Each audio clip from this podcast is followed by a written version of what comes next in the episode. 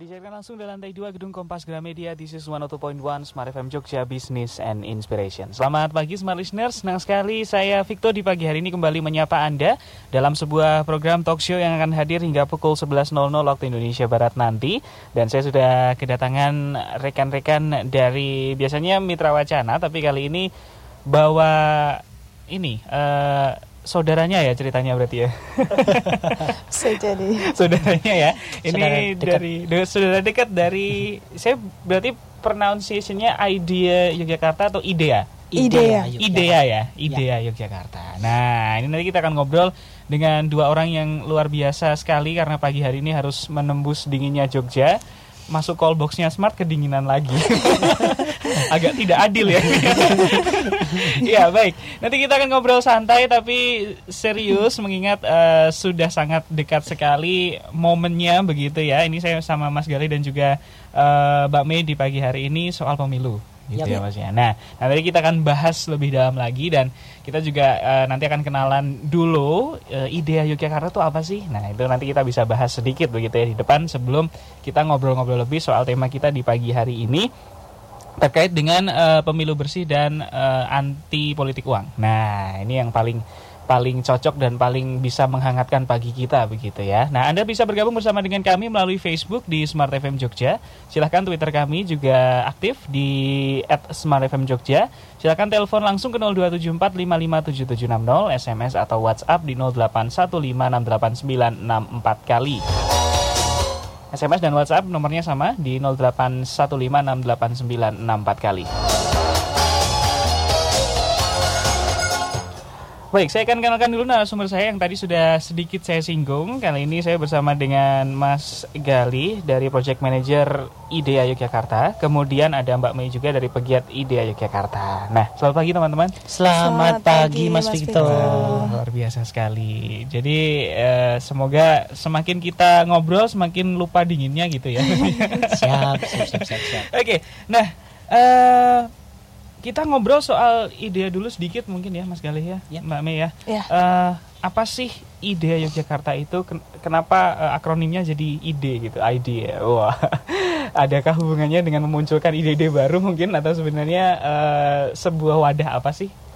Jadi perkumpulan ide Yogyakarta itu nama lengkap kami. Mm -mm. Uh, dulu nama singkatannya itu adalah Institute for Development Economic and Analysis. Uh -huh. Tapi kemudian kemarin setelah rapat anggota di uh -huh. internal IDEA kami mengubah nama menjadi Perkumpulan Ide dan Analitika Yogyakarta. Jadi oh. kami memang banyak bergiat di advokasi anggaran untuk pemenuhan hak dasar warga. Tentunya juga dengan melibatkan kawan muda untuk gerakan-gerakan anti korupsi juga di Yogyakarta seperti itu mas. Mm -hmm. Jadi memang uh, ada dulu awalnya fokusnya berbeda dengan fokus yang sekarang begitu ya? Iya. Atau masih tetap sama? Uh, masih tetap sama. Masih tetap sama mbak Mia. Iya. Uh, mungkin menambahkan sedikit ya mas Boleh. Uh, jadi uh, koreksi sedikit namanya sekarang jadi ide dan analitika Indonesia ada Indonesia oh, ada Indonesia. Oh, ada Indonesia. saya lupa okay. masih belum familiar iya. soalnya chapter Yogyakarta gitu mungkin. I, uh, enggak sih karena kami NGO lokal, okay. jadi LSM lokal cuma ada di Yogyakarta. Tapi kerja-kerja kita nggak cuma di Jogja kok. Tenang. Oh, biasa, baik. Atau mungkin besok memunculkan ide-ide baru di Jogja luar Jogja kali ya? Oh uh, iya, kemungkinan. Seru kali ya. Oke. Okay. Nah, uh, dan sekarang fokusnya di uh, tema kita pagi hari ini barengan sama idea Indonesia berarti sebutnya Yogyakarta, begitu. Dan kenapa sih kok uh, selain kita semakin mendekati 17 April ya teman-teman ya, ya. Uh, semalam juga habis debat juga uh, masih anget nih kayaknya. Jadi gagasan-gagasan selalu muncul visi-visi misi-misi selalu muncul dan uh, masyarakat juga semakin dekat ke hari hanya pesta demokrasi kita. Dan sekarang kita membahas mengenai uh, pemilu bersih dan anti politik uang. Ada apa ya ada ilham apa sih kok akhirnya memilih topik ini begitu? ya, jadi memang kalau kita berbicara tentang pemilu yeah. dan juga politik uang, itu sebenarnya dekat sekali dengan kerja-kerja kami di IDE yang melakukan advokasi anggaran untuk hmm. pemenuhan hak dasar warga. Jadi ketika warga itu setiap hari pasti uh, kita bayar pajak ya. Ya. Tidak hanya pajak yang pajak STNK, pajak Mhm. bumi dan bangunan, tapi juga pajak-pajak yang misalnya kita beli air mineral, Mhm. itu pasti ada pajaknya. Ya. Itu kan juga dibayarkan tidak hanya oleh eh, konglomerat-konglomerat, tapi juga warga biasa seperti kita itu juga Mhm. pasti bayar pajak, walaupun sekecil apa pun. Dan ketika eh, anggaran itu sudah terkumpul Mhm. di pemerintah dan Mhm. dihimpun dalam penerimaan pajak negara, itu kan nanti yang mengelola itu kan ada eksekutif dan legislatif Iya. yang menyepakati itu. Mhm. Nah, dan untuk memilih eksekutif dan legislatif, pengelola pajak kita itu kan salah satu perangkatnya lewat pemilu, Mas. Mhm. Jadi memang kalau pemilunya bersih, pemilunya baik, eh, harapan kami memang orang-orang yang terpilih untuk mengelola pajak kita, Mhm. pajak warga, pajak rakyat Mhm. ini juga bisa terkelola dengan baik seperti itu. Hmm, Oke, jadi memang eh, ada semacam saya boleh bilang bentuknya lebih ke pengawasan karena kekhawatiran atau seperti apa? Mas Gali. Ya memang sebenarnya kita khawatir ya, Ah. apalagi setelah pemilu tahun 2014 14. itu semua caleg itu punya kesempatan dan kedudukan yang sama untuk memenangkan pemilu. Ya. Baik nomor 1, 2, Mhm. 3, 4 sampai nomor urut terakhir pun dia punya kesempatan untuk menang dan ini Mhm. membuat kerentanan eh, terhadap praktek-praktek politik uang itu menjadi semakin besar. Ya. Karena yang dihitungkan suaranya bukan Mhm. suara suara partai berpengaruh, tapi Mhm. kemudian suara person, misalnya Mas Victo jadi caleg partai A, Mhm. itu pasti juga akan sebanyak-banyaknya mengumpulkan suara untuk pribadinya dan prakteknya memang di beberapa riset terbukti di 2014 itu praktek politik uang semakin banyak kasusnya Hmm. daripada tahun-tahun sebelumnya seperti itu mas dan kalau orang atau seseorang yang sudah menang Hmm. gara-gara politik uang itu Yeah. kan pasti nanti ujung-ujungnya ketika dia terpilih menduduki jabatan kalau nggak balik modal Iya. Ya dia akan ngumpulin modal untuk Iya. Jatuhnya Oh. jualan ya kayak kayak punya toko ya. Iya cari untung mas. Oke. Nah, Mbak Mei ada tanggapan? Ini kan fenomena gitu dan Iya. eh, biasanya kalau kita bicara soal pemilu apalagi kita sudah kita belajarnya berarti dari tahun-tahun sebelumnya dong 2009 ya. 2009, Kemudian mm-mm. mundur lagi kita su- sudah mulai belajar pemilu yang mulai dengan banyak partai, banyak caleg, kemudian banyak eh, baik eksekutif gitu maupun legislatif dan kita belajar itu terus mulai dari yang ya mungkin semakin ke sini juga semakin teman-teman dari IDEA sendiri juga muncul LSM-LSM lain yang mungkin juga ikut mengawasi. Nah, fenomena ini dilihat oleh khususnya sama Mbak Mei sendiri seperti apa sih soal politik uang dan pemilu bersih itu? Ya kalau politik uang ya, eh, kalau saya sih melihatnya politik uang itu kan sudah hampir kayak menjadi tradisi gitu di Iya. warga. Eh, Serem loh kalau tradisi iya, itu berarti. iya bahkan saya ketika awal-awal mengikuti pemilu waktu Iya. SMA waktu itu, Mm. kalau nggak salah tahun 2019, 2009. eh 2009. Mm, mm, mm. Nah itu tuh, eh, wah kita apresiat dong jadi Hmm, anak baru gitu. seneng Untuk- ya? Iya senang pertama kali pemilu gitu Iya. kan. Eh, kita udah bisa berpartisipasi kayak gitu. Tapi eh, di, maksudnya di daerah saya sendiri Mhm. eh, itu eh, kayak udah ada, jadi udah ada kayak kontrak politik gitu loh. Eh, bukan kontrak politik sih, tapi kayak kesepakatan untuk memenangkan salah satu Seakan-akan ada Hmm. kontrak politik. Iya kayak Oke. gitu. Jadi eh, kita hanya ngikut aja sebagai ah ini loh kamu udah punya udah punya hak suara. Hmm. Eh, ini amplopnya kayak gitu. Oh, oke. Iya itu itu saya terus terang. Oke, oke. Eh, jadi waktu itu loh oh ternyata kayak gini ya Hmm. kita sebagai pemilih baru tapi eh, faktanya langsung di oh ini loh udah dikasih jatah ini jadi besok milih ini ya kayak gitu.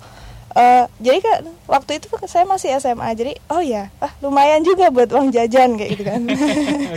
Tapi kan kita belum berpikir kalau eh, suara itu untuk ketentuan apa?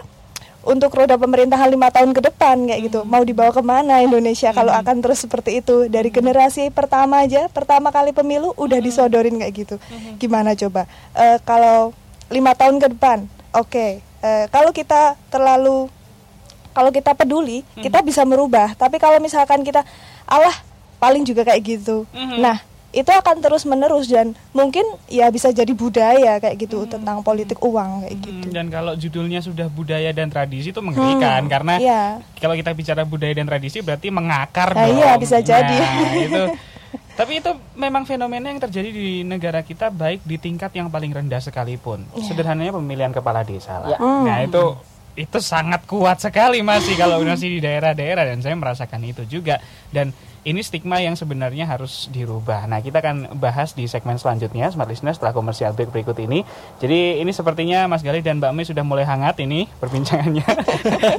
Nanti Sudah pakai jaket, sudah pakai jaket. Nanti kita juga akan bahas lebih lagi tentang bagaimana sih akhirnya eh, apa sih keadaan Indonesia sekarang menurut pandangan teman-teman tentang pemilu bersih dan eh, anti politik uang ini? Sudah baikkah atau masih gonjang-ganjing di tengahkah atau enggak mas ah enggak ada optimisme saya tuh atau seperti apa nanti kita lihat pandangan beliau sebelum kita masuk ke 17 April besok ya 2019 wah cepet loh tinggal bulan depan loh ini dan Iya. ini sudah di ujung-ujung 30 Maret ya hari lagi mas 30 hari 30 lagi, hari lagi. gitu. Pas satu bulan. Pas satu bulan. Jadi memang sudah ada hal-hal yang mungkin bisa di- dijadikan eh, tips juga untuk Anda smart listeners yang menjadi pemilih ya terutama bahkan yang dipilih sekalipun juga bisa eh, lebih berhati-hati atau kemudian tidak menyalahkan aturan tidak menyalahi aturan-aturan yang sudah ada dan sebagai pemilih mungkin bisa mengedukasi Anda di pagi hari ini menjadi pemilih yang cerdas begitu ya.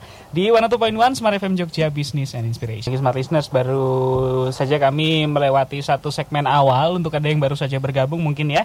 Kita di pagi hari ini talk show bersama dengan Mitra Wacana, tapi kali ini yang datang adalah eh, saudaranya yaitu Idea Yogyakarta. Nah, kita membahas mengenai sebuah tema yang terkait dengan besok 17 April 2019 ada pelaksanaan pesta demokrasi besar sekali karena seluruh Indonesia hampir dan seharusnya hampir dan seharusnya diikuti oleh seluruh rakyat Indonesia yang hampir 200 juta penduduk. Wow.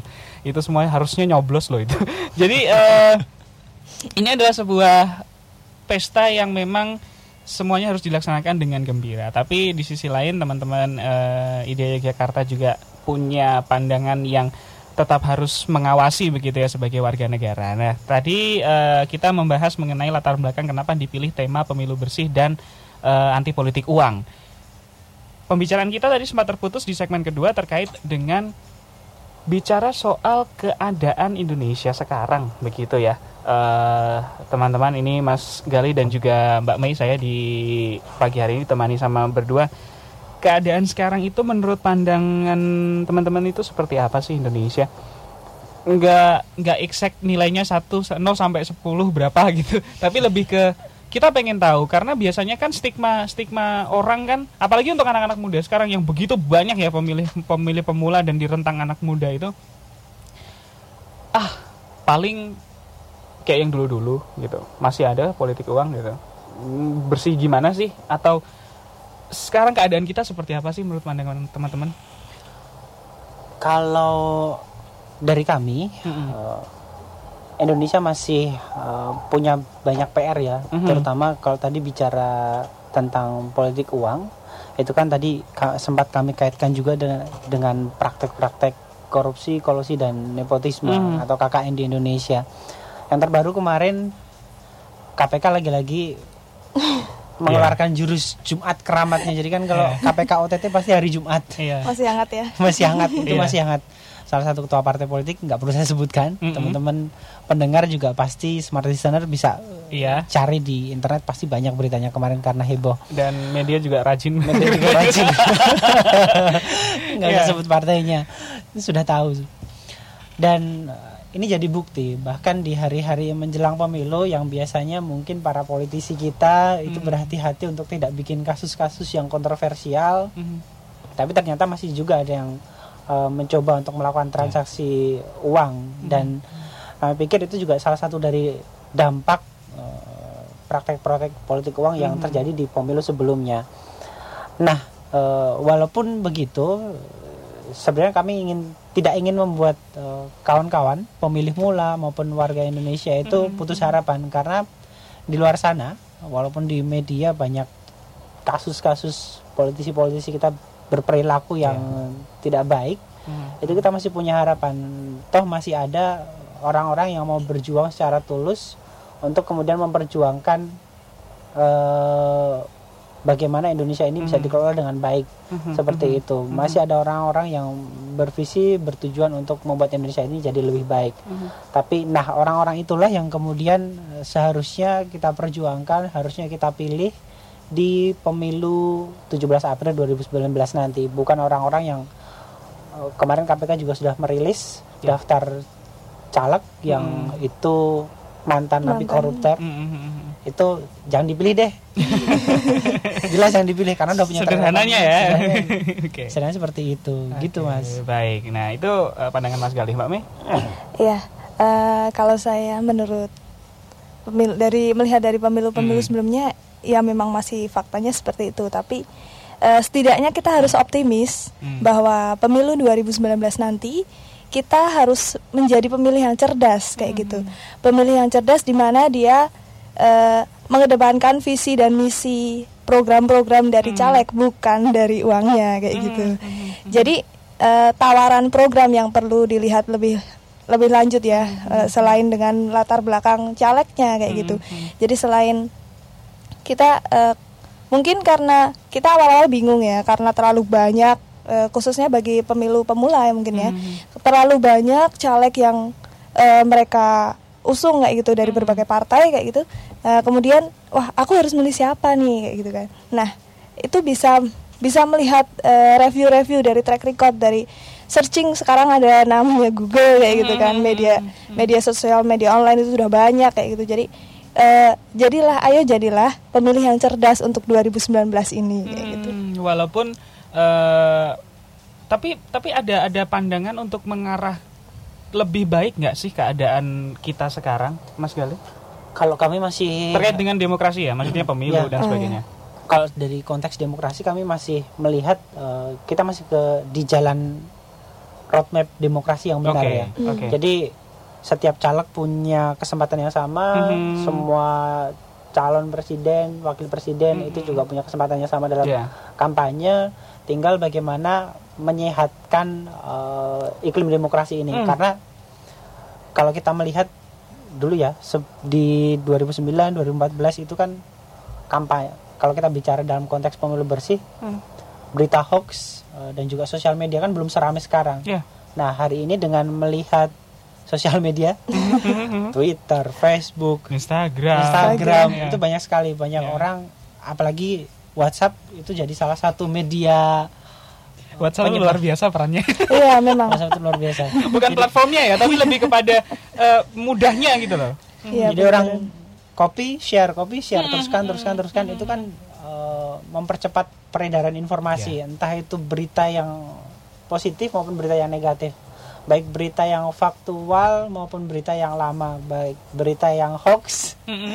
ini yang harus kita waspadai mm-hmm. dan juga berita-berita yang uh, fakta maupun datanya itu bisa dipertanggungjawabkan mm-hmm. itu yang harusnya di pom, di konteks pemilu ini kita waspadai kita benar-benar bisa menyaring melakukan filter terhadap berita-berita hoax itu. Mm-hmm. seperti itu. Karena kalau kita bicara uh, penyebaran hoax di pemilu ini kan tinggi sekali mas. Mm-hmm. satunya dituduh uh, apalah satunya dituduh lagi. Yeah, kalau banyak tuduhan. Ini uh, harusnya kita lihat seperti yang dikatakan mbak Mei kita tadi. Dia lihat programnya program kampanye ya bukan lihat berita yang sensasionalnya saja seperti itu mas.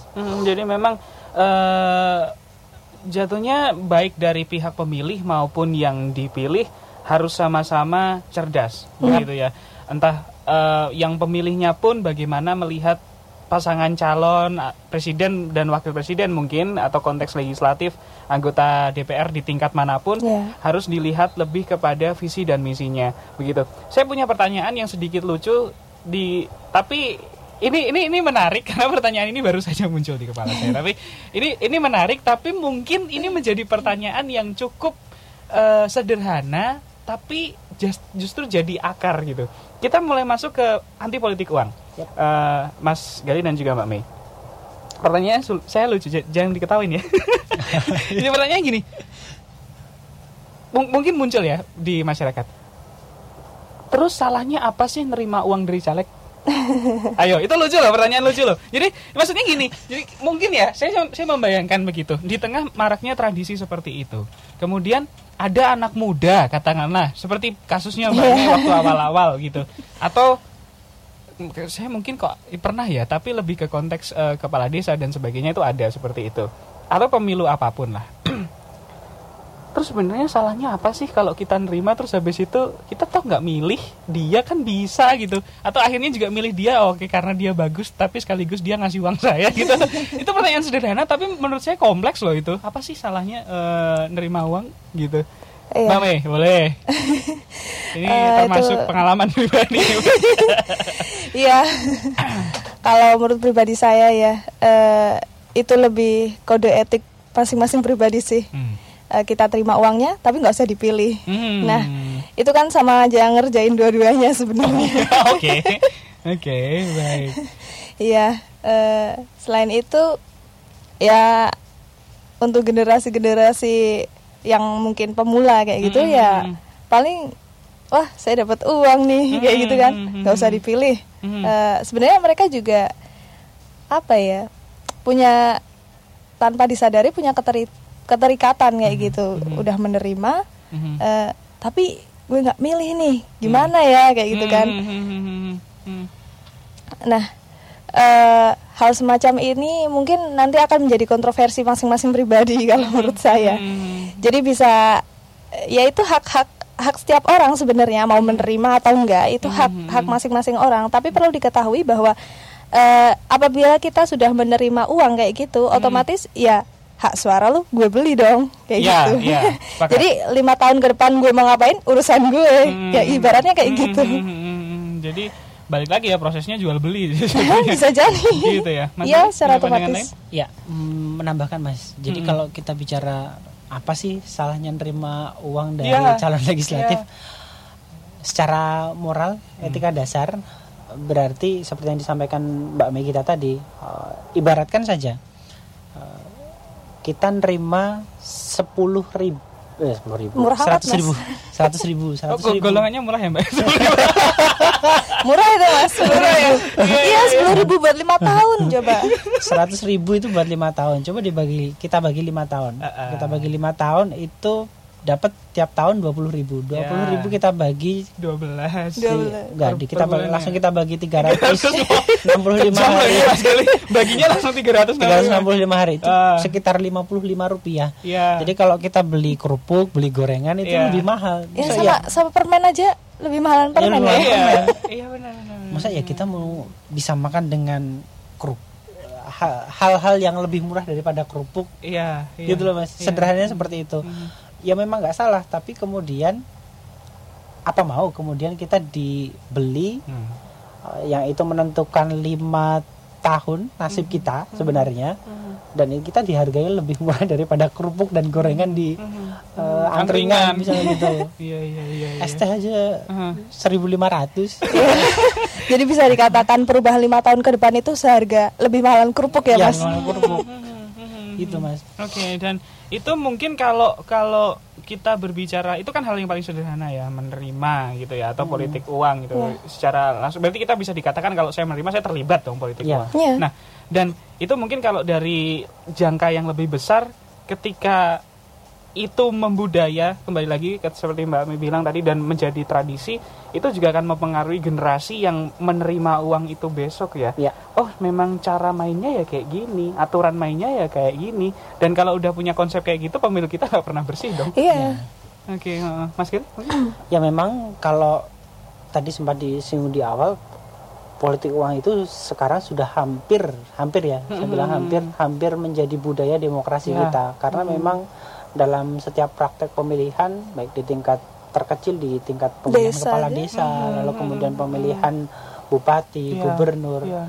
lalu kemudian bicara yang lebih tinggi lagi hmm. di tingkatan presiden hmm. itu juga pasti ada tim ses yang kemudian memakai sejumlah uang atau hmm. materi lain seperti hmm. sembako untuk hmm. memenangkan pasangan calon oh warga jadi oh ya wes kalau kalau kamu mau menang ya kasih aku sesuatu hmm. baik itu uang ataupun materi lainnya. Hmm. ini yang sebenarnya kita khawatirkan. Makanya kemudian kalau masih ada orang-orang yang antusias untuk melawan politik uang di tingkat terkecil sampai tingkat Iya.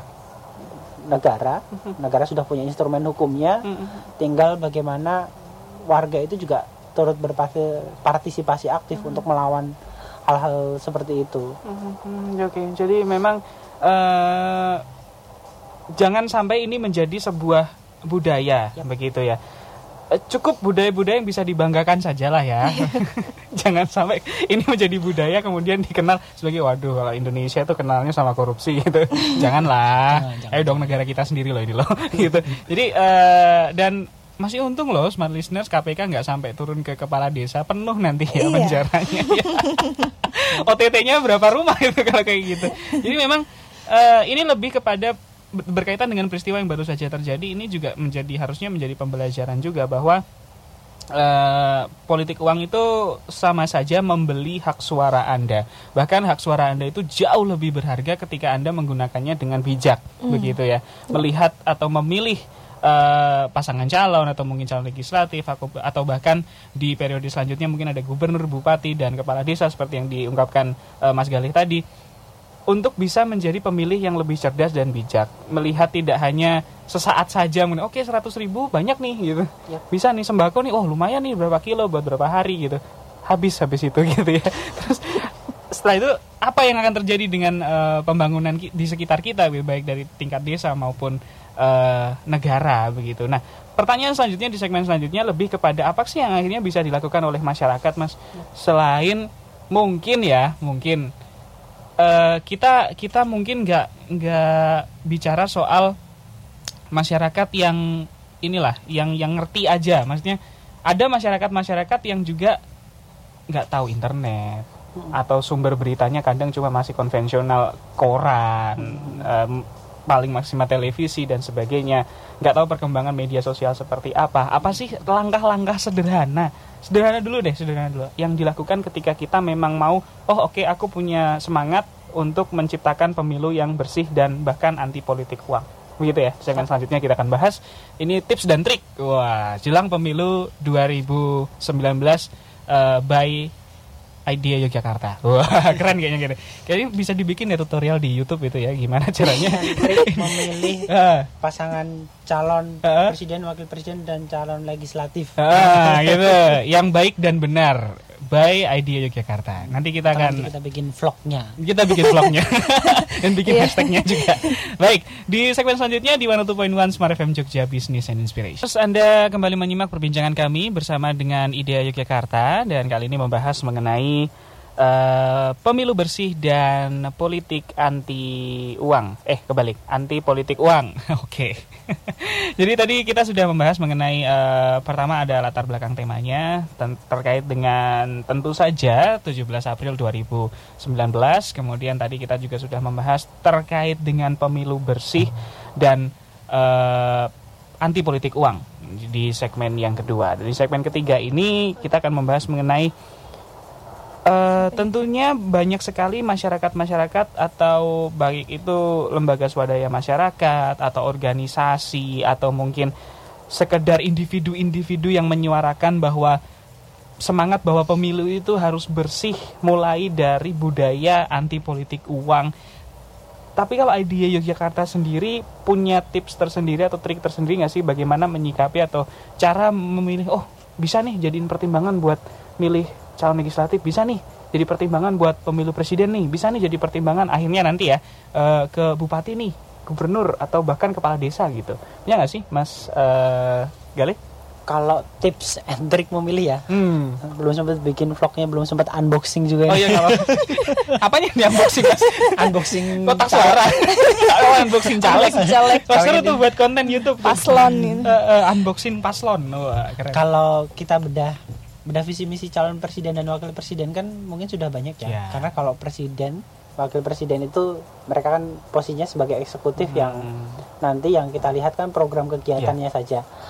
Eh, lima tahun ke depan mereka mau ngapain aja. Mm-mm. Semalam juga kalau teman-teman eh, smart listener itu lihat Mm-mm. debat cawapres ya kalau Mm-mm. tadi malam itu kan juga sudah kelihatan oh cawapres 01 kegiatannya mau ini ini, Ini. Hmm. cawapres 02 kegiatannya ini ini Hmm. nah kita lihat itu eh, yang paling kemudian realistis yang paling Hmm. kemudian cocok Hmm. dengan visi kita untuk Hmm. pengelolaan Indonesia ke depan itu kira-kira yang 01 atau 02 sih Hmm. jangan kemudian dilihat oh ini track recordnya eh bukan track record ya ini eh, orangnya menarik atau enggak Mm-mm. tapi kita lihat eh, programnya kegiatannya itu Mm. bagus atau enggak Mm-mm. seperti itu itu kalau capres dan cawapres ya Mm-mm. hmm, sudah bisa kita cari recordnya tapi kalau untuk caleg terutama untuk di tingkatan lokal Mm-mm. DPRD kabupaten kota dan DPRD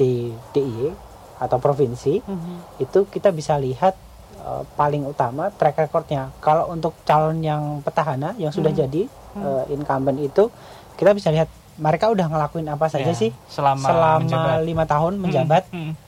kalau mm, selama lima tahun menjabat itu mereka banyak melakukan misalnya advokasi Mm-mm. baik itu bantuan untuk eh, terutama legislatif ya Ya. legislatif itu kan bikin perda-perda Mm-mm. perdanya itu membantu warga nggak sih Mhm. menguntungkan bagi Mhm. warga nggak sih efektif nggak sih efektif gitu? nggak sih Mm-mm. kerja-kerja mereka selama lima tahun atau jangan-jangan mereka banyak bolosnya ya waktu sidang malah bawa bantal bubuk nyenyak gitu di ruang sidang kursinya enak mas iya ya. empuk eh sampai nggak mau diganti loh itu Saking Lengket, Mas. iya dipakai orang aja nggak boleh itu kita lihat Ya. eh, kalau kinerja mereka selama lima tahun itu baik Hmm. eh, menurut kita eh, dari parameter-parameter yang objektif ya Hmm. bukan karena kita dikasih duit Iya.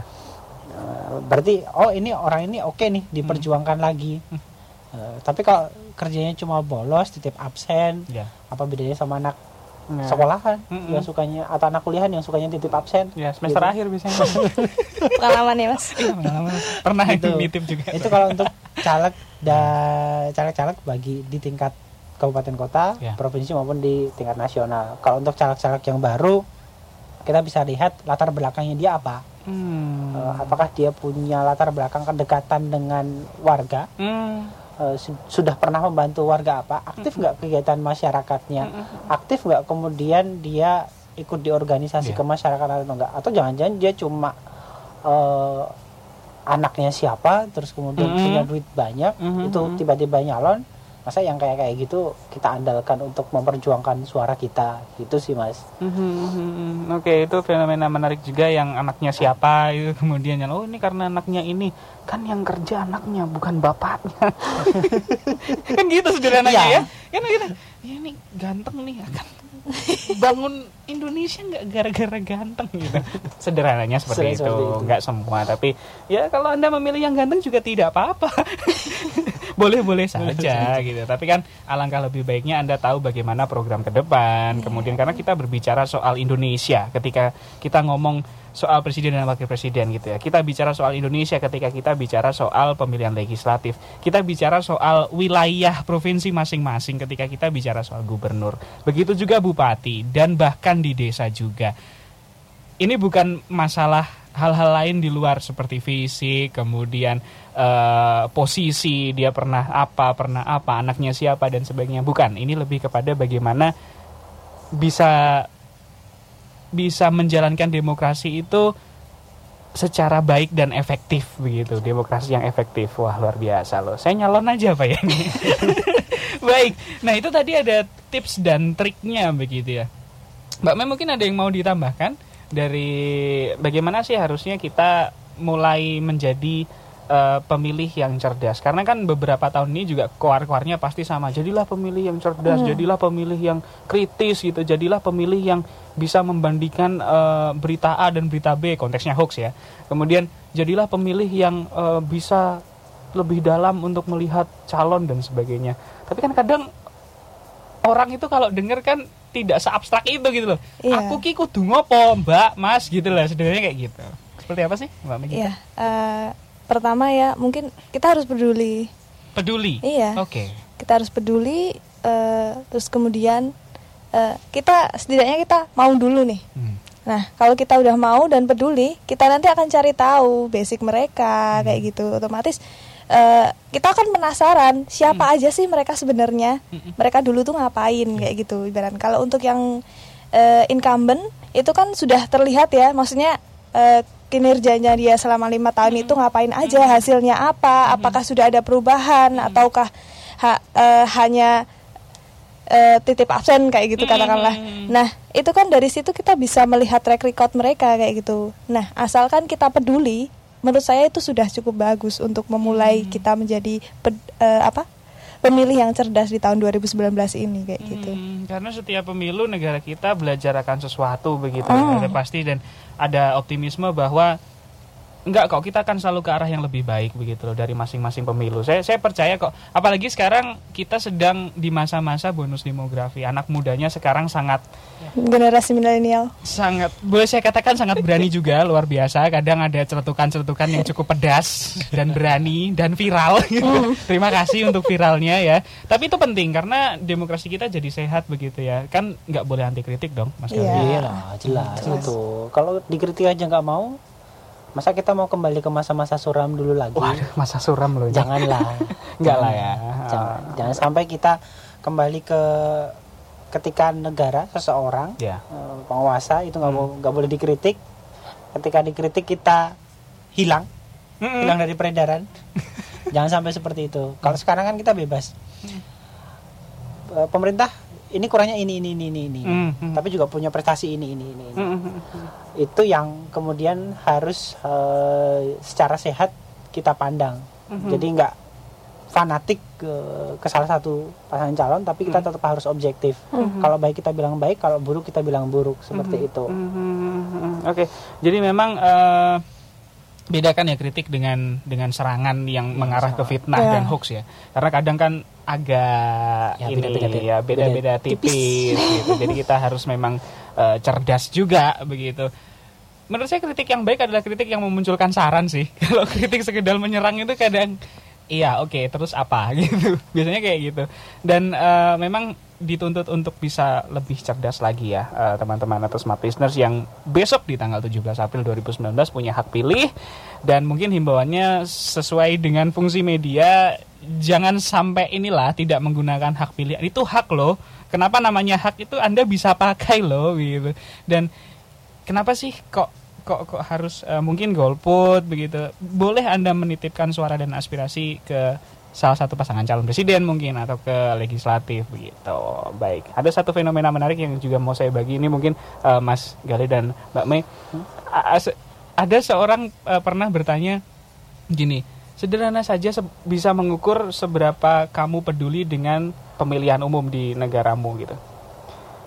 Ingat gak sih siapa caleg yang kamu pilih tahun lalu? saya nggak ingat loh. itu kan itu kan bentuk bisa mengukur bentuk kepedulian akan sesuatu gitu loh dan itu fenomena saya yakin pasti banyak terjadi gitu jadi memang uh, mengerikan saja gitu. Jadi memang memang memang harus harus mulai belajar lah. Ini bukan sebuah kesalahan tapi lebih ke arah pembelajaran mungkin yeah. ya, uh, Mbak Mei ya. Gitu. Baik.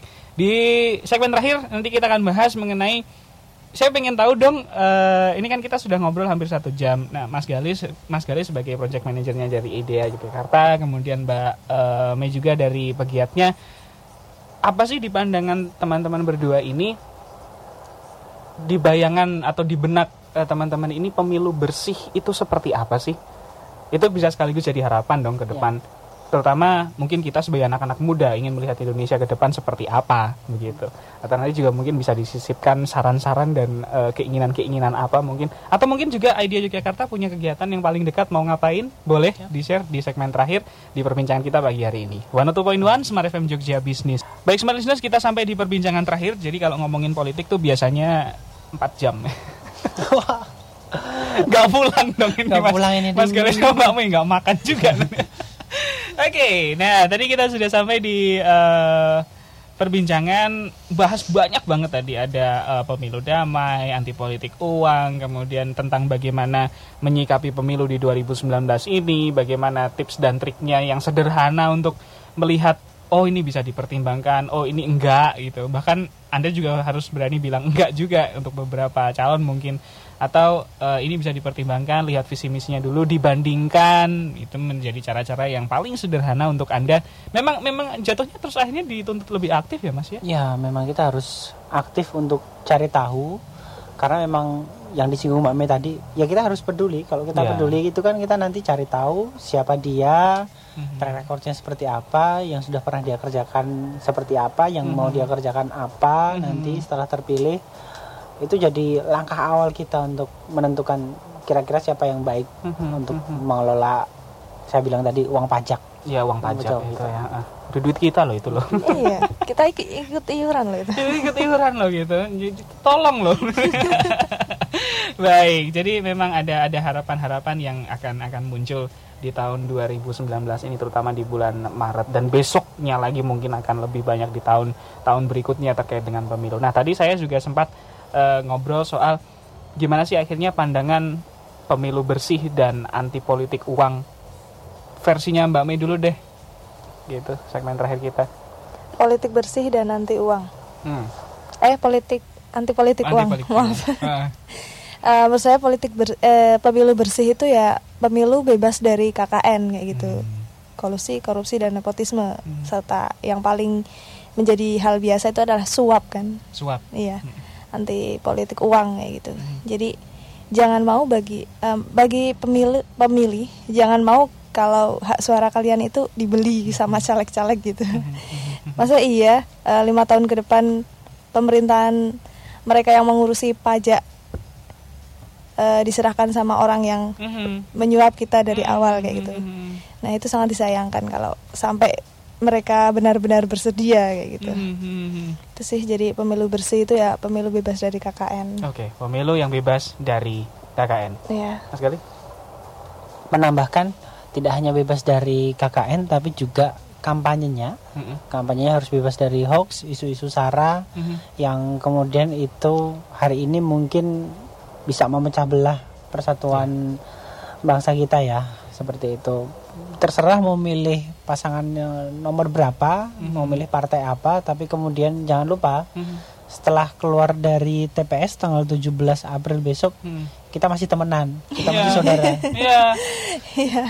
itu yang dikik dari grup keluarga itu tolong dipanggil lagi tuh grup-grup alumni grup-grup uh, kantor kantor live group gara-gara beda pandangan. Beda pandangan. Iya. Gitu. Aduh. Kan gak, kan gak sehat itu gak berarti sehat. kedewasaan kita masih perlu mm-hmm. belajar lagi. Mm-hmm. Baik, dan yang jelas uh, ini merupakan sebuah pesta demokrasi. Harusnya kalau judulnya pesta berarti semuanya senang, semuanya datang ke TPS dengan bahagia, pulang juga dengan bahagia, begitu. Berbeda pandangan dengan orang lain itu harus bisa dan boleh ada, tetapi Anda harus kembali melihat bahwa Anda hidup sebagai manusia dan manusia, bukan sebagai 01 dan 02 atau bukan sebagai uh, partai A dan partai B, tapi Anda sebagai manusia yang besok ketika sudah selesai prosesnya Anda akan bersinergi lagi dengan orang lain.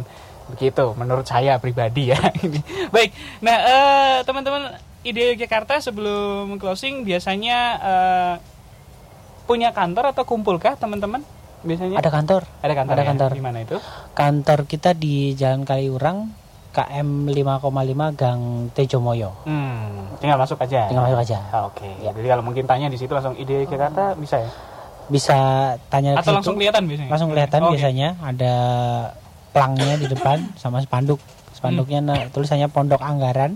Hmm. Terus nanti Mbak Mi mungkin nambahkan mau ngambil apa? Kalau mau ngambil apa? Boleh, boleh, boleh, boleh. boleh. Apa di Nah, ini, ini ada yang seru nih, uh, Smart Listeners. Boleh, Mbak Mi, silakan. Uh, iya, uh, salah satu apa ya aksi kampanye kita yeah. untuk pemilu kali ini tahun 2019 uh, kita menyediakan banyak stiker dan pamflet hmm. uh, tentang pemilu-pemilu yang bersih itu kayak hmm. apa itu bisa kontak kami melalui akun sosmed kami atau langsung datang ke kantor kalau misalkan mau ke lewat akun sosmed bisa lewat Facebook Idea Yogyakarta terus kemudian Twitter juga di Idea Yogyakarta e, eh, IG untuk IG Idea underscore Yogyakarta mm-hmm. dan atau bisa melalui web web kami ada di perkumpulanidea.org.id Oke okay. gitu. Jadi sudah ada beberapa link yang bisa anda gunakan. Ada yang mungkin bisa ditambahkan teman-teman sebelum Oh, iya. saya closing? Jadi Boleh? kita masih ada beberapa kegiatan Ya. untuk kampanye anti politik uang dan pemilu bersih. Kemarin kita sudah di Sunmore UGM. Mm-mm. Jadi kalau teman-teman eh, mau belanja, jalan-jalan, eh, lari-lari, Mhm. tapi jangan lari-lari di lapaknya pedagang. Iya. Tanggal 17 kam- kema- hari Minggu kemarin kita sudah satu kali. eh, terus tanggal 24 eh, Maret kita masih ada satu kali kegiatan di Sunday morning kita pasang foto booth di sana. Jadi Oh, teman-teman oke. yang Seru tuh. pas mau foto Mm-mm. datang ke stand kami, ambil foto lalu kemudian upload di sosmed Mm-mm. bagi beberapa pengunjung awal Mm-mm.